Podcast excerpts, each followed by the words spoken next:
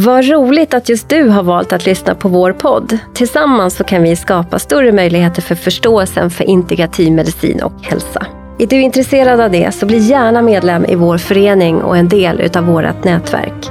Mer information om det här kommer i slutet av avsnittet.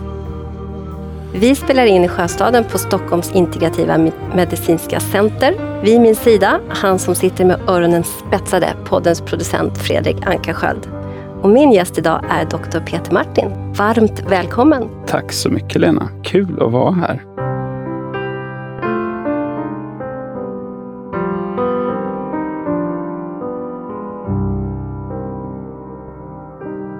Det är jättekul att du är här. Ja. Du stod som en av de absolut första namnen på min lista när jag skulle starta den här podden för två år sedan. Oj! Men nu är du här, äntligen. Ja, det kan ta tid med saker och ting. Ja, ibland så. Men den som väntar på något gott väntar inte för länge. Nej. Eller vad säger man? Nej. Ja.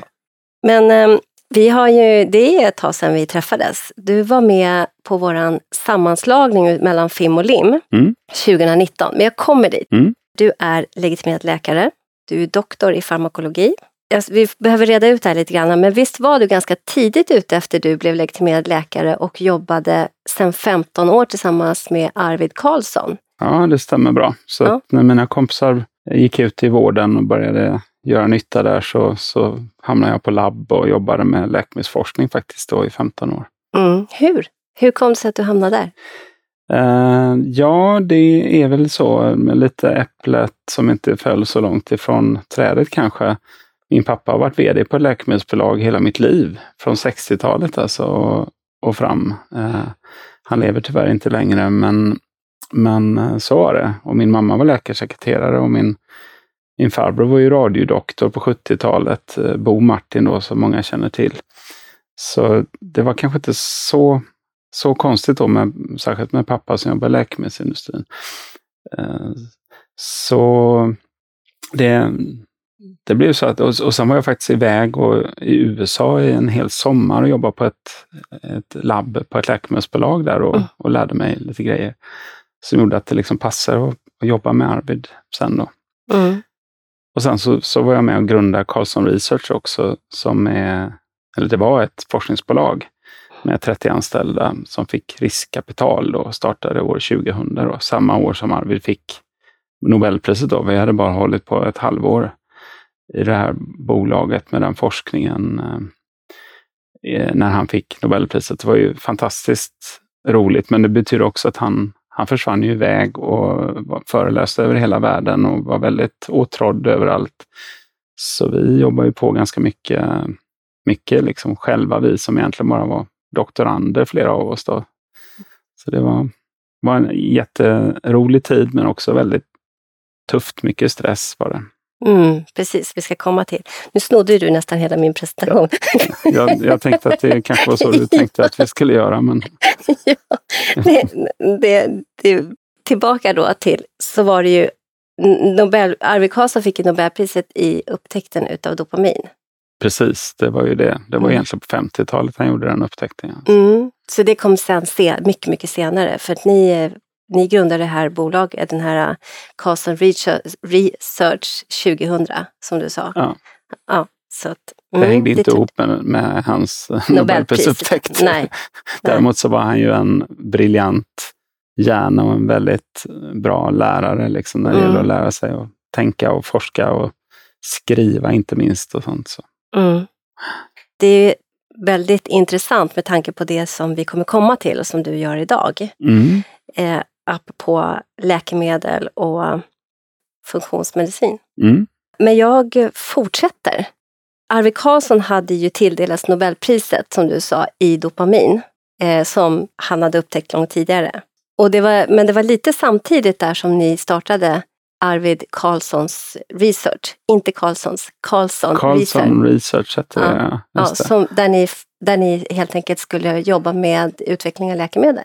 Ja, men det var det vi gjorde. Ja. Och det var väldigt framgångsrikt. Mm. Och det är faktiskt så att ett av de läkemedlen testas fortfarande. Det första läkemedlet vi tog fram där, det testas fortfarande mot eh, Huntingtons Mm. sjukdom. Eh, eh, fick jag reda på nu för några månader sedan. Så det är faktiskt roligt att det, det lever kvar en hel del och, och, och mina kompisar håller på och fortsätter att forska och är väldigt framgångsrika med läkemedelsforskningen där. Men Just. jag valde en annan väg. Ja, men er forskningsgrupp höll ju på med centrala nervsystemets sjukdomar. Mm. Ja. Just det. Mm. Ja, men precis. Det var hjärn, hjärnsjukdomar. Det var Parkinson och depression, Huntington, schizofreni. Mm. Mm, jätte, jätteintressant. Um, för det var mycket stress där. Ja, det, det, var det. Det blev väldigt mycket stress och jag hade ju dessutom på den tiden barn som var rätt små, tre stycken och var gift och hade full rulle på hemmaplan också. Så där grundlade jag ju egentligen det som hände kanske tio år senare då. Eh, när jag, för ungefär tio år sedan nu så blev jag ju sjukskriven för utmattning. Då. Mm. Vill du berätta lite om den? Du har ju gjort det. Vi, du har gjort det tidigare. Ja. Vi, har ju, vi, vi, kan ju nämna det att det finns ju på Youtube både en från vår depressionskonferens där du föreläser om ett funktionsmedicinskt perspektiv på det. En föreläsning som blev jätte, jättepopulär och den är alltså högst aktuell fortfarande. Och det, den gjorde vi 2017. Mm. Eh, och sen så var du med 2019 och föreläste på vår sammanslagning där, där FIM, Föreningen för integrativ medicin och hälsa och LIM, Läkarföreningen, gick samman. Och, eh, och då föreläste du också om funktionsmedicin. Och du har ju berättat om din historia, men vill du berätta lite kortfattat även här? För den som inte har sett seminarierna. Mm. Nej, men kortfattat blir det, för det här är en lång historia egentligen då förstås, som det ofta är med utmattning. Det är inget som kommer som en blixt från en klar himmel. Det har ofta att göra med synen på sig själv och hur mycket man ska prestera och eh, att man tänker att man ska få gjort alldeles för mycket grejer på för kort tid och inte prioriterar återhämtning och sig själv. Um, så det är ju det som är grunden, att jag egentligen alltid kanske har kört lite för hårt och studsat mot något tak men återhämtat mig. Sen blir man både äldre och kanske på vissa sätt också sjukare med åren. Liksom man samlar på sig olika obalanser i kroppen, tänker jag ju nu då. Det förstod jag inte då.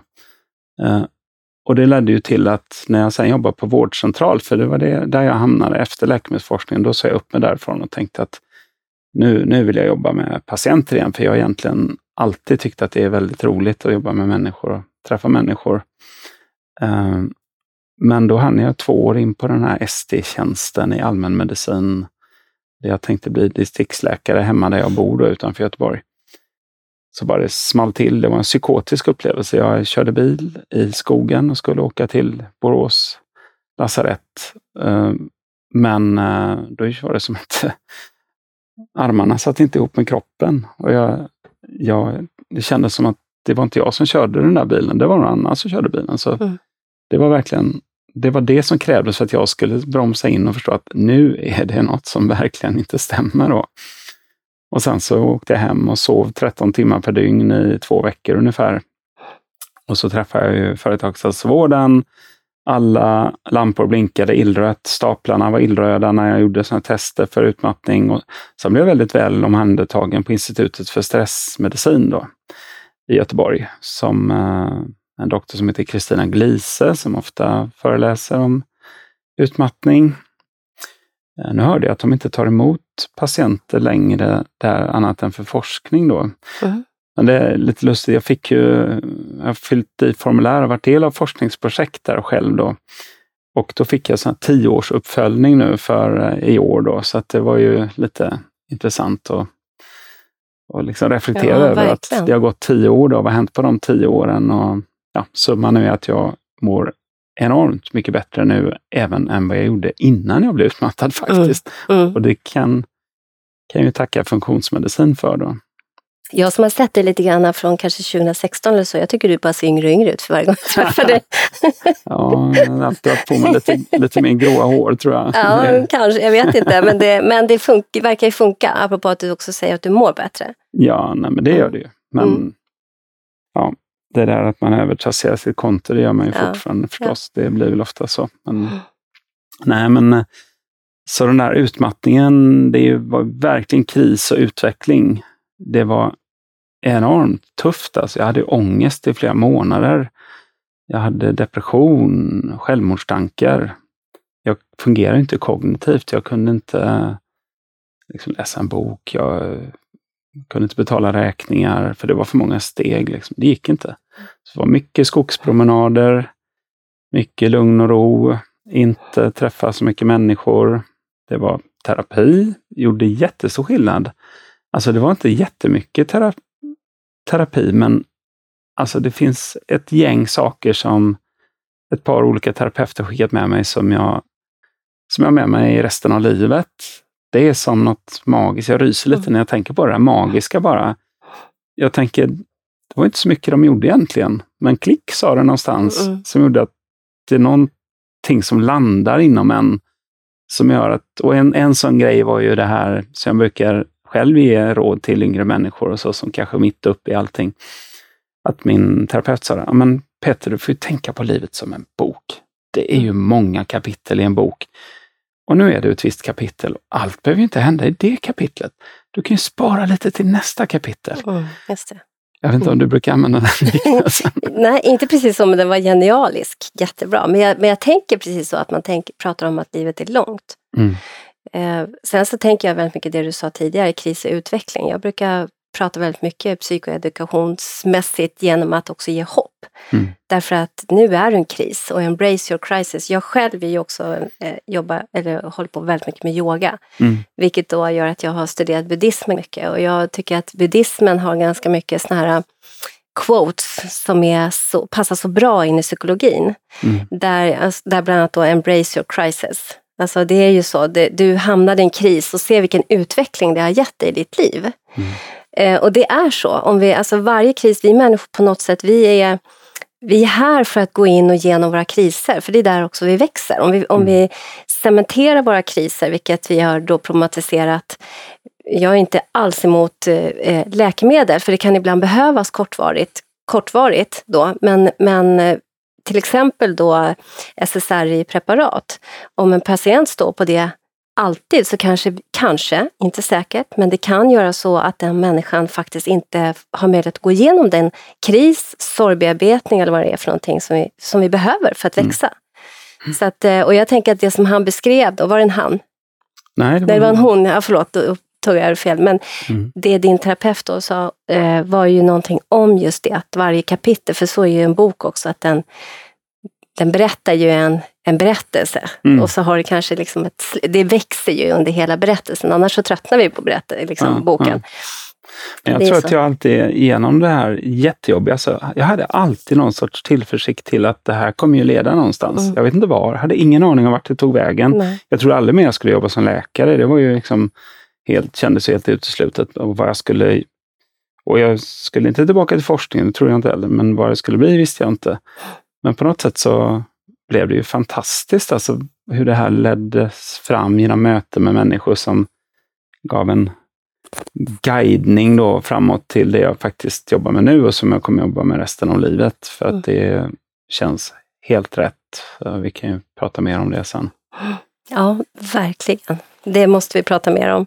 Och eh, ja,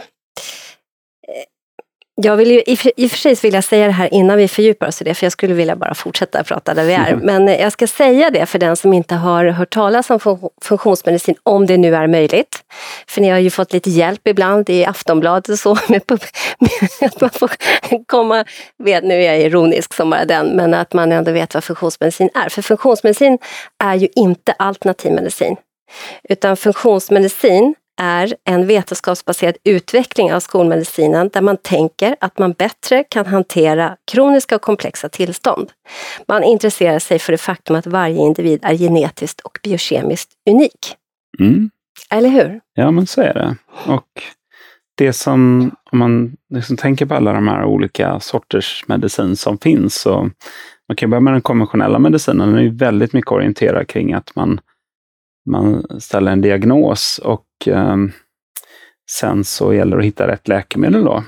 Eh, för att för ofta då trycka ner det symptomet. Det kan vara migrän, det kan vara högt blodtryck, det kan vara eh, depression, där man trycker ner enstaka liksom, problem som människor har utan att egentligen tänka på individen som en, en individ, utan mer ofta tyvärr som sin diagnos, eh, kunde jag uppleva när jag jobbade med det på, själv på vårdcentralen. Eh, och att man inte heller tänkte så mycket på varför, hur, hur gick detta till då? Eh, att man blev sjuk. Men där, det är just den stora skillnaden med funktionsmedicin, där vi alltid tänk, ställer alltid frågan varför. Man brukar på engelska kalla det för the medicine of why. Man ställer frågan varför och är nästan in i in absurdum. Liksom. Jag har ont i magen. Jaha, vad kan det bero på? Det kan bero på IBS. Ja, men vad kan IBS bero på? Ja, det kanske är SIBO, att du har small intestinal bacterial overgrowth, en överväxt av bakterier i tunntarmen. Ja, men vad kan det bero på? Ja, det kan ju bero på att du hade en magsjuka i Indien 2016. Eh, ja, och vad kan det bero på? Att du, åt, att du åkte till Indien kanske? Ja, precis. Nej, det är ett liksom varför hela tiden. Varför, varför, varför ja. så. Mm. Uh, och sen gäller det då att försöka uh, förstå var det har gått snett och hur det har gått snett. Och det är ju inte bara en sak, utan här tänker vi alltid brett, helhet, integrativt, liksom hela systemet. Eh, vi tänker ju inte på enskilda organ, så här organfragmenterat, utan vi tänker alltid på kroppen som en helhet. Och sen går det också ut på, det blir en lite annan läkarroll. I alla fall om man generaliserar så eh, läkarrollen, den gamla läkarrollen är ju ganska auktoritär. Det är läkaren som kan något om medicin och patienten som får något av läkaren som oftast är ett recept eller operation eller vad det är. Men kanske inte varit så delaktig själv om man tittar tillbaka. Nu är det mycket mer liksom fokus på personcentrering i vården, vården och men systemet är ju fortfarande inte riggat för det. Det finns inte tid för det och det finns inte, man tänker inte i grundorsaker och att utbilda patienten fullt ut heller. Så mm, där får man nog vänta lite innan det liksom har eh, skett en förändring i vanliga vården. Men, men läkarrollen hos eh, oss då till exempel i funktionsmedicin på FanMed, mm. eh, hos våra tio läkare, då är, då är det ju att man, det går ut på att lära patienten och få patienten att förstå hur har det gått snett? Vad kan de göra för att bli friska? Vad kan de göra för att hålla sig friska? Och eh, då har man ju, vi är lika olika på insidan som på utsidan. Och då gäller det att, att, kartlägga varje individ och få dem att förstå hur saker och ting hänger ihop. Och det kan ju krävas tid och därför behövs det lite längre patientmöten också, där man hinner förklara och förstå. Um, så att patienter kan förstå. Och sen, sen uppmuntrar vi också att man söker information själv. Um, så, Lite tvärtom om man säger vad, vad traditionell hälso och sjukvård säger, gå inte hem och googla på det här nu för då kommer du bli rädd. Typ. Ja. Det här blir precis tvärtom. Ja, för att jag tycker det är nämligen så här att det publiceras 1,7 miljoner vetenskapliga medicinska artiklar varje år. 1,7 miljoner 1,7 miljoner. Mm. Så även om jag tänker att jag överlämnar detta till min läkare, eh, då får man, även om läkaren var professor i eh, dermatologi, hudsjukdomar, och jag hade en hudsjukdom. Det finns ingen möjlighet att den professorn har koll på de 1,7 miljoner vetenskapliga artiklarna eller de 34 miljoner vetenskapliga artiklar som finns överhuvudtaget publicerade hittills, mm. sedan man började då. Mm. Alltså som är sökbara. Mm. Så att jag ser det bara som att det blir mycket mer effektivt om patienterna själva är med och söker mm. efter information mm. Och sen så kan jag med min expertkunskap och all erfarenhet kunna värdera den informationen de just hittar. Just det, ett, sam ett samarbete. Ja, det blir mm. mycket mer, liksom, det är fler som är på bollen ja. och lär ja. sig. Och, och du har ju dessutom, eh, som patient så har man ju liksom mycket större drivkraft mm. också. Att, mm. Eller man har liksom... Man, har, man äger sitt lidande och då vill man ju ur det. Ja. På ett helt annat sätt. Och, ja. och tänk då, många gånger så hittar man ju bra saker då, eller i alla fall delar av det är bra, som man kan applicera. Då. Ja, och, och jag då som jobbar som psykoterapeut, jag, jag jobbar precis likadant. Jag tänker att det du gör också är väldigt mycket psykoedukation, alltså lär, du lär din patient. Mm. Och det, det, krävs ju det. Mm. Våran, våran förening jobbar ju utifrån fem ben. Mm. Eh, det är ju traditionell hälso och sjukvård, ett integrativt synsätt på psykosoma, kostens betydelse, träningens betydelse och det existentiella mm. Eh, som liksom får sväva över alla de andra. Men då är det det här att, att, att patienten, patienten behöver ju ha motivation till att kunna komma ur det här. Vi kan inte vi kan inte leda patienten utan att patienten leder sig själv. Och då krävs det att också informera om allt det här och mm. också, då också hitta det unika hos den enskilda patienten. Den kanske inte behöver allting utan kanske har balans i no någon av de här fem benen om vi väljer att tänka att det är de som omfattar det här. Ja. Eh, men att kunna att göra det. Så jag tycker att det där låter väldigt bra. Jag gör på samma sätt. Mm. Nej, det låter ju verkligen så. Och jobbar också integrativt med psykosoma. För jag har till exempel, jag har samarbete med, med några olika, eller vi ska jag säga, vi är flera stycken här, vi är fem stycken på den här. Vi har samarbete med läkar, funktionsmedicinska läkarmottagningar här i Stockholm till exempel. Mm. Och där, är det, där kan vi se just det här det integrativa att med psykosoma, att man all, inte alltid vet vad som är vad från början. Mm. Jag hade ett patientsamtal idag med en patient som, som har kom till mig via en läkare där hon har lidit jättemycket med mag-tarmproblem och illamående. Och de kunde inte riktigt förstå vad, gjort alla utredningar och så, så kommer hon hit och så, så visar det sig i anamnesupptagning och screening och sånt där att det finns väldigt mycket trauman. Mm. Så jag har jobbat med henne i, i ett år ungefär med traumafokuserad psykoterapi. Och idag så hade vi gjort en screening på hennes anknytningssystem som talar om då hur mycket vi kan stressreducera oss själva. Så var hon från ett desorganiserat till ett, till ett ambivalent men tryggt. Mm. Ett ambivalent eh, liksom, eh, vad ska man säga, stil på det, men mm. är trygg. Mm, mm. Och hon eh, äger sina symptom. När hon får ett, de här symptomen, då vet hon att det är någonting hon behöver gå vidare, vilket mm. är ju sådär. ja, ja, ja. ja men det där. Och det ser vi att det finns ju en det är överrepresenterat med människor som har trauma, inte minst i barndomen då. Och det kan vara sexuella övergrepp eh, som kommer fram. Alltså, och det kan vara andra former av Neglect trauma. Över, över tid kan ju också ge ett stressat nervsystem som ger symptom längre bort. Ja. Och en del som, som jag har jobbat med länge som jag inser, de blir ju lite bättre förstås, för vi gör så mycket bra grejer, men det blir ju inte så bra som det borde ha blivit. Och så kommer man fram till att de lever i en destruktiv relation. Och när den relationen tar slut så tar det bara tre månader så har de liksom, så kommer de, behöver de inte ens mig längre. Liksom. Exakt. Så kan det vara. Och sen kan det vara åt andra hållet. Jag, får, jag har gjort lite grann till min, eller får många patienter som kvinnor runt 50. Mm. Eh, som, som har stått på kanske SSR i ett och ett halvt år, de blir bara sämre, det blir ingenting som blir bättre. Och så söker de, kommer de hit av någon orsak och sen så skickar jag dem vidare då till en, en funktionsmedicinsk mottagning oftast då. Och då kan man samma, kan, om jag ska skicka det till dig, en hormonell obalans, mag-tarm, men många gånger så får de ju då en hormonell mm. Mm. behandling för att de är i ett klimakterie som ingen har konnoterat. Och så är de bra på tre veckor. Ja, ja men så funkar det också förstås. Ja. Och det är det som Ja, det är där vi, vi jobbar ju mycket mer med, med soma än psyke förstås, liksom, för att det är där vi på FunMed. Liksom. Det, det är där vi verkligen kan tillföra och har en ny kompetens inom hur, hur man bygger hälsa biokemiskt och mag-tarmfunktion etc. Olika kroppsliga system. Och vi kan mäta och förstå och förklara det. Men eh, alla de här psykologiska faktorerna, de, de är ju lika viktiga, men där får vi ibland ta hjälp av, av andra. Då. Men jag, jag kan bara lägga till, nu sitter vi här i december och den 30 november så lanserades ju den första riktiga sån här eh, AI, Open AI lanserade ChatGPT. Eh, och det är ju någonting som blivit väldigt eh, hett nu då och jag själv är ju så nyfiken och har redan börjat använda det i mitt jobb. Mm. Men då ställde jag frågan så här, vad, till ChatGPT som en, en AI-modell av massa, massa text. Då. Vad eh, ser du måste hända inom sjukvården de kommande tio åren? Alltså som utveckling.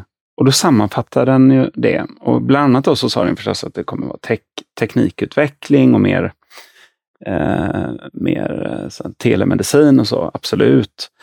Den sa också att vi måste tänka mycket mer preventivt och det är precis det alla pratar om nu. Vi måste jobba mycket mer med prevention. Det kanske inte har hänt så mycket än, men man pratar mycket om det. Men den sa också det att att synen på mental, det mentala och det kroppsliga, det kommer vävas samman mycket mer med tanke på det du sa om soma och psyke mm. förut.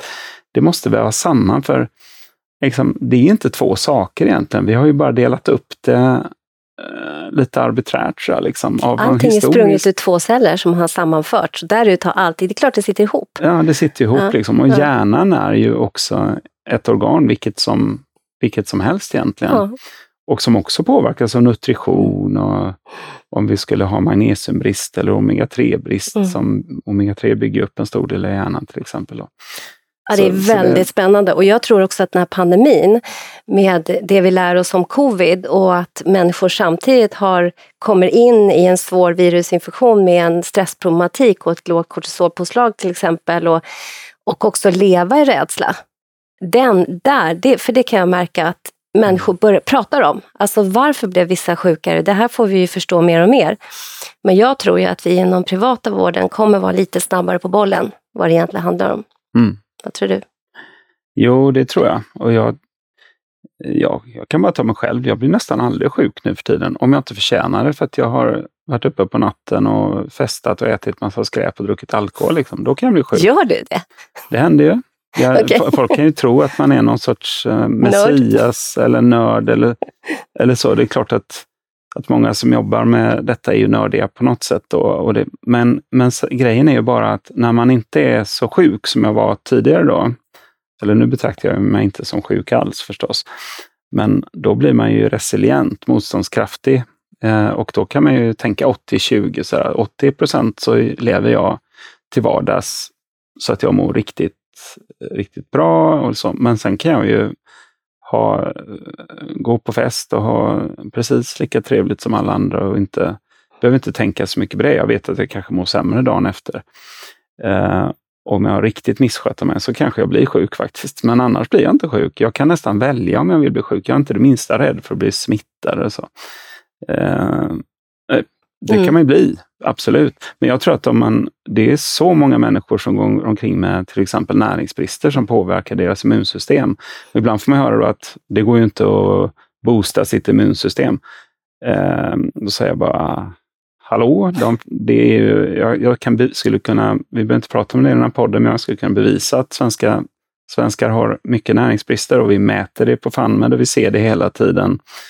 Och, eh, och inte bara ni utan andra sådana kliniker också. Så det finns, ju, ja. det finns ju väldigt mycket vetenskapligt underlag och gammal medicinsk kunskap och, alltså, ja. och så vidare. Och de där näringsämnena behövs ju för immunsystemet. Det får man till och med lov att på, påstå kring ett näringsämne, att mm. det krävs för ett friskt immunsystem. Så det är klart att... Fast jag vill ju jättegärna det. prata om det, men det kanske kan jag ta som ett annat poddavsnitt. Men egentligen vill jag göra det. Men det jag vill föra in så att vi hinner ja. det innan, det är ju att nu kommer jag inte ihåg om jag sa det från början, men 2014 så startade du din funktionsmedicinska klinik i mm. Göteborg. Och nu så finns ni i Stockholm, ni finns i Malmö och i Halmstad. Ni har ju vuxit. Ja. Kan du inte berätta? Berätta liksom, hur kom FunMed till? Vad, vad, hur har resan sett ut? Vad gör du nu? Vad ser ni framför er? Ja. Nej, men jag startade 2014 och, och då, det jag gjorde där i början det var att försöka sortera, för jag kommer från en konventionella vården och forskningen och jag hade ju inte koll på den här världen som, som kanske många andra har. En del har växt upp i den världen och det har varit alternativmedicin och hälsohem och eh, föräldrar som kanske ätit vegetariskt och sådär. Jag hade ingenting av det med mig in, utan jag startade från noll egentligen. Och bara, jag hade bara insett att kost är otroligt starkt, för det var det som gjorde att jag på två veckor bara. Liksom, då provade lågkolat ketogenkost och blev av med både IBS och ledvärk och, och fem kilo. Och hjärnan klarnade upp. Så jag bara förstod att här, här, här finns någonting som är fantastiskt och som man har glömt att berätta för mig när jag pluggade. Mm. Och då gav jag mig in där i den här boxen och försökte liksom förstå. Så jag var med på alla möjliga möten och träffade alla möjliga människor och försökte förstå liksom vad, vad som Eh, hade vetenskapligt underlag. För jag kommer ändå från en vetenskaplig tradition liksom, där man, man värderar saker och ting med vetenskapliga metoder. Och då såg jag att det fanns ju allt möjligt där under solen. Men så började det ändå växa fram att jag började ta emot patienter, jag började ta labbtester och då kände jag att nej men jag vill ju ha, jag vill inte bara ha ett labbtest, jag vill inte bara kartlägga bara lite grann i något avföringsprov eller bara några blodprover. Jag insåg att jag vill ha mycket data, för det var nämligen så vi gjorde ju när vi forskade också. Då kartlade vi mycket, mycket.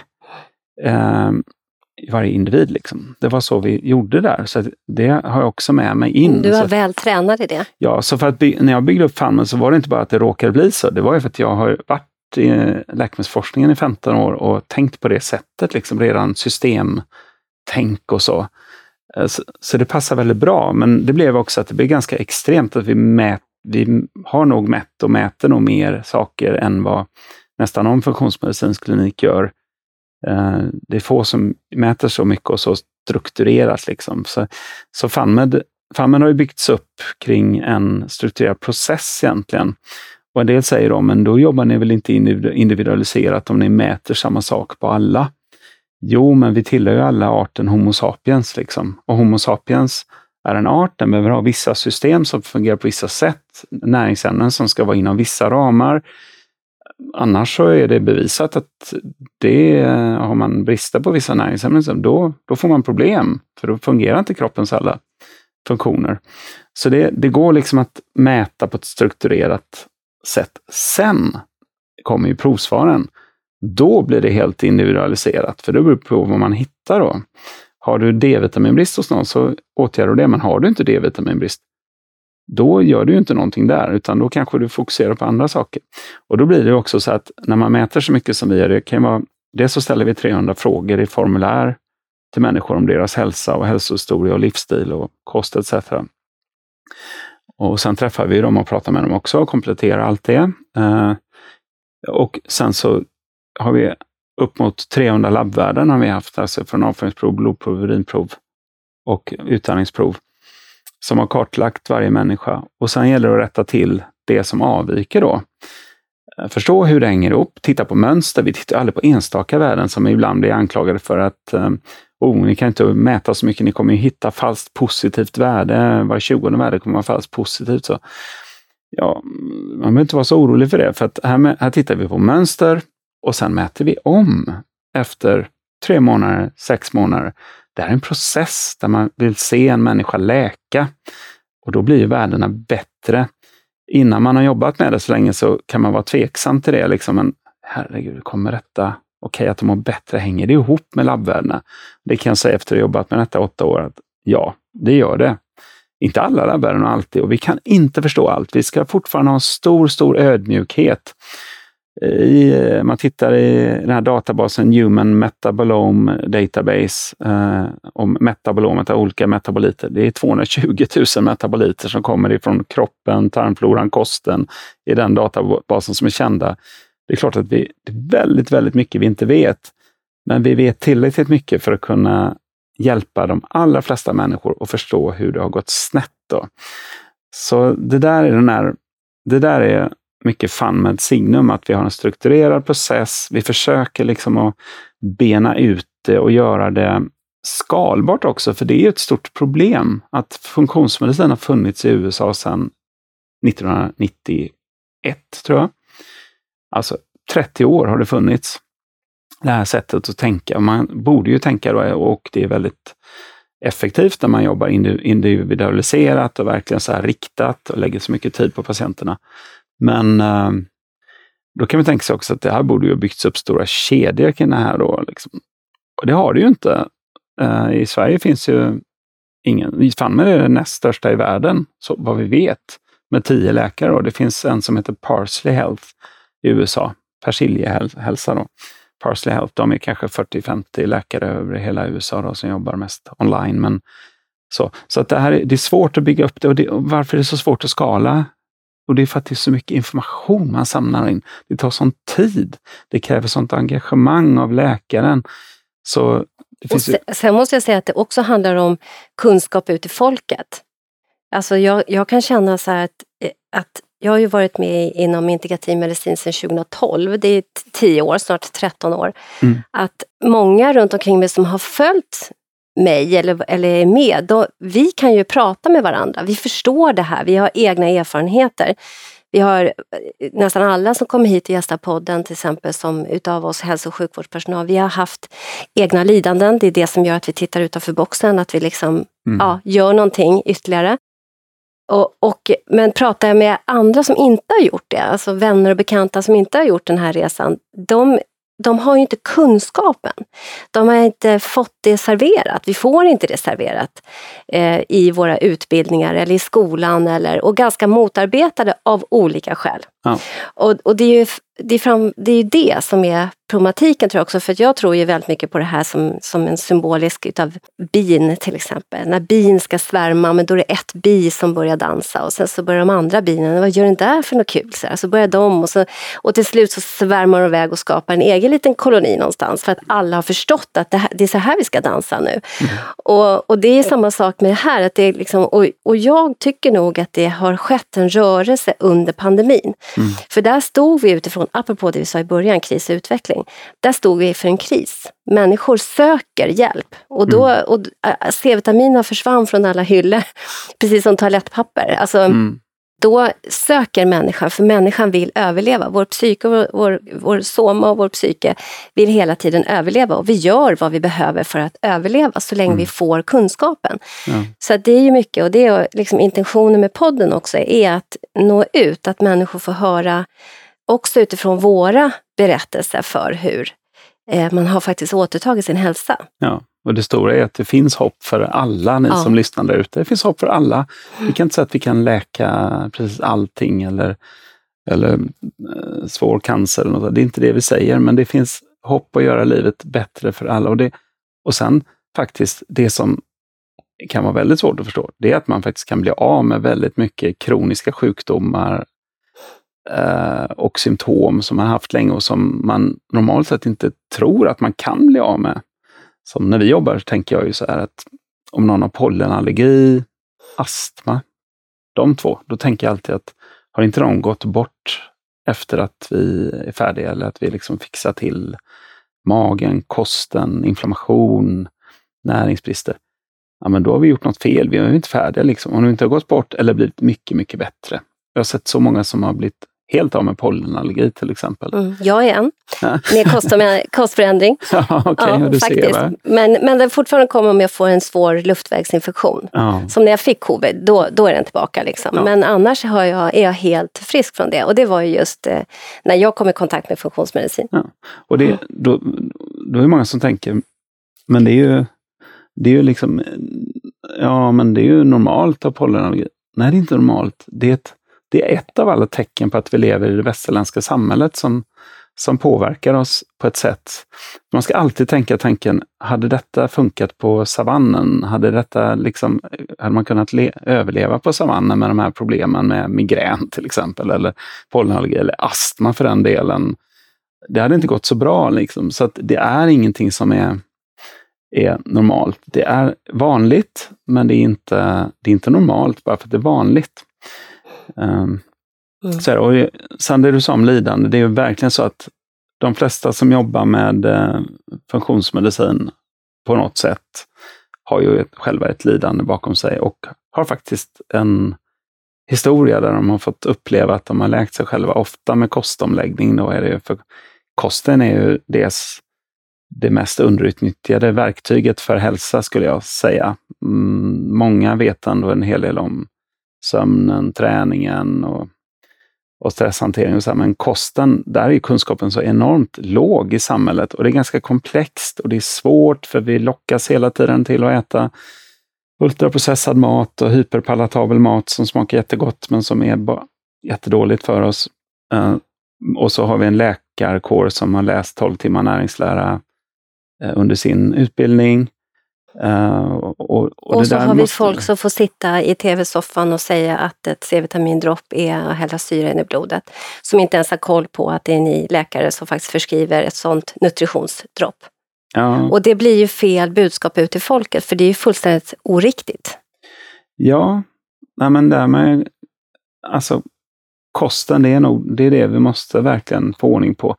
Och där har vi också det här med att det finns väldigt starka ekonomiska drivkrafter att vi ska fortsätta att äta ultraprocessad mat. Men där känner jag också att det händer mycket nu. Det händer mycket på gräsrotsnivå. Det händer också på vetenskaplig nivå, att folk får publicerat olika artiklar som går emot mycket av, av eh, de här kanske starkaste ekonomiska drivkrafterna. Och det måste vi göra. Vi måste stå upp för det eh, för att människor ska få tillgång till och eh, äta en, en, en mer artriktig kost. Ja, men det, det är det där med konfirmationsbias som vi Homo sapiens lider av på ett sätt. Att vi liksom letar efter det fakta som stärker det vi redan tror, mm. tills vi har ett för stort, tills vi hamnar i en kris. Mm. För då kan vi inte längre tänka alla de där samma, vi tänker ju till 99 procent samma tankar som vi tänkte igår, tills mm. vi möter den här krisen. Och det är därför det är så viktigt att få vara i krisen och att vi, men då behöver vi våra medmänniskor för att det mm. är väldigt otäckt att sitta i en kris själv. Ja. Så Peter, berätta, vad, är, vad händer just nu med, med FunMed? Vad har ni i pipeline? Just det. Jag drev det ju själv då till eh, 2018-19 där. Då bestämde vi oss för att nej, det här måste vi försöka få växa, för det här behöver befolkningen. Och då hade jag ju sett så många som hade läkt från alla möjliga tillstånd och haft så nytta av detta. Eh, och dessutom är det ju liksom långsiktigt. Folk är ju inte bara friska för stunden, utan de kan ju hålla sig friska resten av livet. Då. Så samhället skulle tjäna jättestora pengar på dem. Men det inser man att det, det är ingenting man får skattepengar för än. Eh, det måste bli mer etablerat först. Eh, så vad vi gjorde då var att eh, då hade jag tillsammans med Jonas Bergqvist eh, som är fysioterapeut och hållit på med kost och hälsocoachutbildningar i många, många år. Då satte vi upp en utbildning 2018 som började då, som hette funktionsmedicinska vårdutbildningar. Började utbilda läkare och sköterskor och annan legitimerad vårdpersonal. Och när vi sitter idag så har vi utbildat säkert 250 stycken sköterskor och läkare på det sättet med en onlineutbildning på sex månader. Och numera heter den utbildningen FunMed Academy. Om man är intresserad då kan man gå in där. Det finns introduktionskurs och det finns även... Var hittar man er? Vilken med, FunMedAcademy.se kan mm. man gå till. Mm. Ja, så där finns det olika utbildningar. Mm. Och det kommer utvecklas nya typer av utbildningar framöver här också. Men det var förutsättningen för att sen kunna skala upp Farmen. Så att då eh, på 2019 där, när FIM och LIM gick ihop så, så var ju Nils Edelstam på den föreläsningen.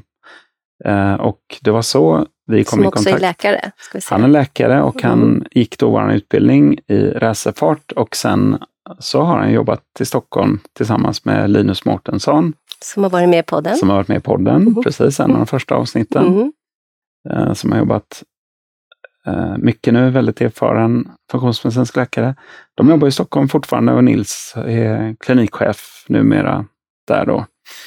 Eh, så den här utbildningen har ju varit grunden för att överhuvudtaget kunna driva, driva FunMed och an, andra som också har funktionsmedicinska kliniker och mottagningar har ju också gått den utbildningen, en hel del av dem. Och eh, sen har vi då utvidgat med fler läkare i Göteborg, så nu är vi faktiskt fyra läkare där. Eh, superroligt. Eh, vi har två läkare i Malmö och en i Halmstad. Och vi är tre läkare i Stockholm nu. Då. Så det växer och vi har även hälsocoacher och sjuksköterskor som jobbar. Psykoterapeuter? Uh, nej, inte så som jobbar med terapi än, utan det får ske externt. Och det är så, man behöver ändå fokusera på sin kärnverksamhet i början. Man kan inte liksom dif differentiera sig för mycket, för då gör man inte det man borde göra bra tillräckligt bra. Jag tror, jag tror faktiskt eh, det är väldigt bra. Och också för patienten. Mm. För att, eh, att Eh, men sen kan man ha gemensamma samtal med patienten. Mm. Eh, som, så som jag och Cecilia Tibell till exempel jobbar så har vi så att, om jag, att vi har avstämning med patienten tillsammans. Det är mm. väldigt verkningsfullt att få ihop världar för patienten också med sitt lidande. Mm. Jag, jag har specialiserat på komplext trauma. Mm. Eh, och också utifrån att jag själv fick den diagnosen, apropå att för ja, 12-13 år sedan. Mm. Och, eh, och min läkning var ju funktionsmedicin och psykoterapi. Mm.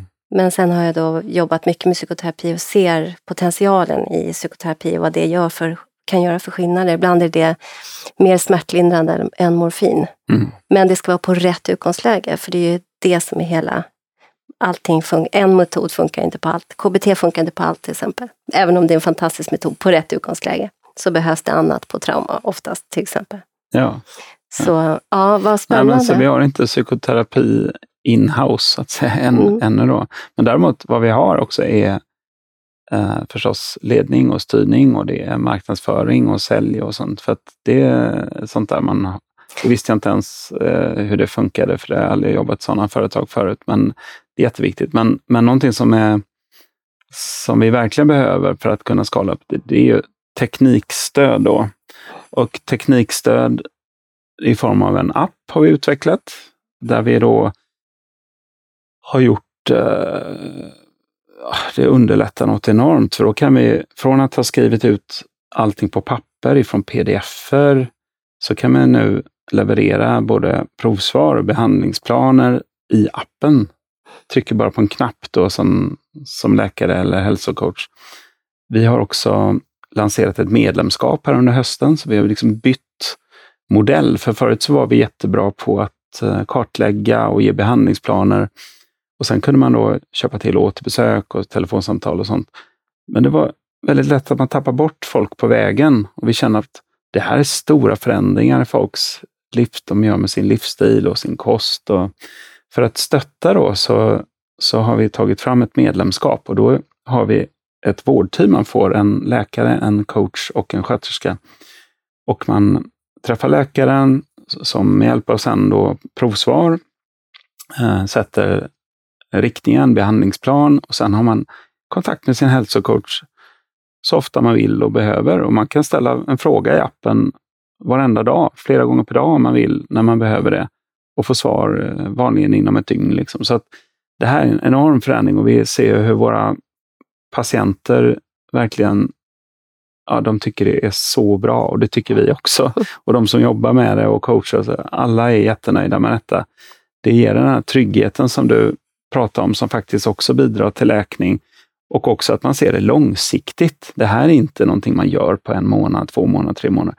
Det här är någonting som man egentligen så kan man ju se på hälsa. Ja, det är livstidsförändring och det kan man se livslångt egentligen. Jag håller ju fortfarande på liksom Mm, grejer och du med. Liksom, man Ja. håller på och Och, och man filmar går igenom testar, olika, ja. och man går igenom olika faser i livet när Mm. våran, liksom, som jag kallar köttfarkost behöver olika insatser. Eftersom det förändras. ja, Och vi kanske får olika utmaningar och så. ja, det gör det. Och jag måste säga att jag har, ju, har jag prenumererar på ert eh, nyhetsbrev. Ja. Jag älskar det. Jag tycker det är så bra. Och, och för den som är intresserad då, så kan man ju börja där Ja, och börja prenumerera på det. Nörd, det är Funmeds nördtips. Precis. Älskar det. Det är tre nördtips i varje nyhetsbrev. De var- brukar vara populära. Nej, men gör det. Det är bara att gå in på hemsidan och, och registrera sig för nyhetsbrevet. Det kommer ut eh, varannan, varannan vecka just nu. Så att eh, det är ett bra sätt att hålla koll på hur, hur det funkar. Och sen kan man ju, är man intresserad av det här medlemskapet så kan man faktiskt gå in och boka in sig på ett introduktionssamtal på en kvart helt gratis och prata med en sköterska eller, eller så. Mm. Som kan och få reda på lite mer Mm. utan att förbinda sig till någonting egentligen. Peter, vår tid håller på att rinna ut. Mm. Men eh, jag, det känns som vi nästan bara kommit halvvägs. Så jag måste ju fråga om du, om när du är uppe här i Stockholm igen, kan, vill du komma tillbaka? Det gör jag gärna Lena. Det finns ju väldigt mycket om att prata om i det här fältet och särskilt med någon som du som är så insatt. Ja men tack, vad glad jag blir. Ja, och det här med vitaminer och mineraler och vad man får säga och inte och, och så vidare. Mm.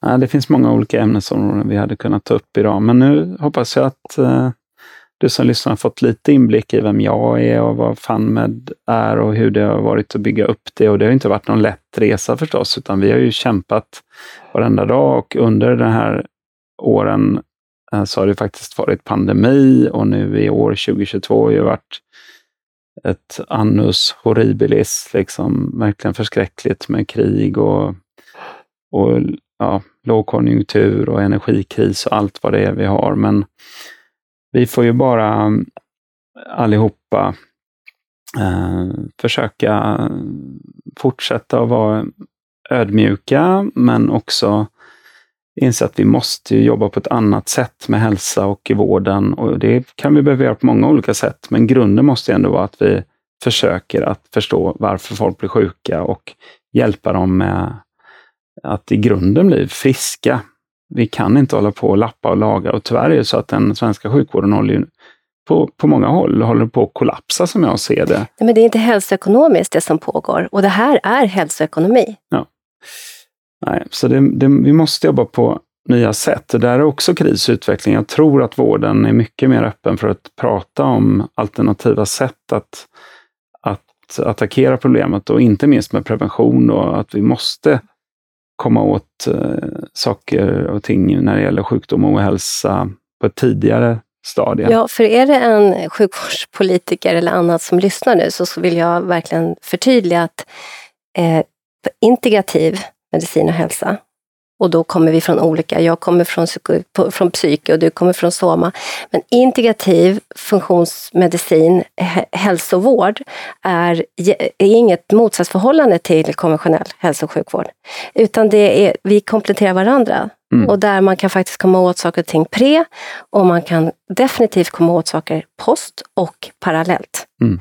Så det, vi står inte i varsin skyttegrav och står och, och skjuter på varandra utan vi behöver ta armkrok och gå tillsammans. Och det är det som är hela idén och det är det vi vill. Ja, ja men det är det ju. Och på Farmen, vi bjuder alltid in till samtal. Det är förvånansvärt få som, som söker upp oss som av läkare och ifrån vården, tycker jag, med tanke på jag, jag hade nog förväntat mig att man skulle vara lite mer nyfiken eftersom vi bjuder in. Vi förklarar gärna hur vi jobbar. Vi har ingenting som vi döljer eller liksom, eh, som är hemligt. Eller så. Vi förklarar hemskt gärna hur vi jobbar. Och det, det är ett annat paradigm bara. Det kan vara svårt att förstå. Det tog flera månader för mig att förstå det här nya paradigmet funktionsmedicin. Men eh, välkommen och hör av dig om du sitter och lyssnar nu och eh, undrar något. Det går jättebra. Mm. Vi svarar gärna på... Och, och apropå att varje olika eh, medicinska vårdgivare som kommer hit och, och gästar podden, därav du idag, så kommer vi med olika bakgrundsprofessionaliteter. Och du kommer ju från läkemedel. Alltså du, du har på olika sätt, du är inte bara legitimerad läkare, utan du är också doktor i farmakologi och du kommer från en familj där ni har hållit på och du har varit det, startat ett, eh, ett läkemedelsbolag som har utvecklat läkemedel. Du är ju verkligen inte emot läkemedel, men där har ju du förstått någonting apropå det här. Mm. Så att det är inte så att någon av oss går och kokar grodor i skogen, utan det här är ju forskningsbaserat. Ja, allt vi håller på med. Det är det. Och nu mm. kan vi bara avsluta med att nu eh, hela svenska sjukvårdsgräddan och eh, makthavare så, de pratar om precisionshälsa nu. Jag var i Almedalen i juli och då pratar man väldigt mycket om precisionshälsa. Det handlar om det nya paradigmet inom vården där man ska jobba mycket mer individualiserat, kartlägga varje individ och hjälpa varje individ. Och då handlar det om eh, livsstil, miljö, Eh, och data in, eh, samla in data och, och jobba datadrivet. Funktionsmedicin är en form av precisionshälsa och det, jag tror att det liksom kommer att gifta ihop sig här framöver. Det kommer ju ta tid och, och paradigmskiften innebär alltid friktion. Så är det liksom, för man måste kasta en del gamla sanningar inom citationstecken över bord liksom och gå in i, i något nytt. Men det tror jag ju mer problem det blir i vården och med folk som inte får hjälp faktiskt, som jag ser, många av mina patienter får inte ens hjälp i vården för de har inte tid. Då, då, eh, ja, då, då kommer det leda till att den här processen kommer att gå mycket fortare. Så är det. Folket måste göra en beställning. Ja. Doktor Peter Martin, stort tack för att du kom och gästade vår podd idag. Tack Lena jag hoppas verkligen vi ses igen under 2023. Ja, det gör vi. Mm. Tack.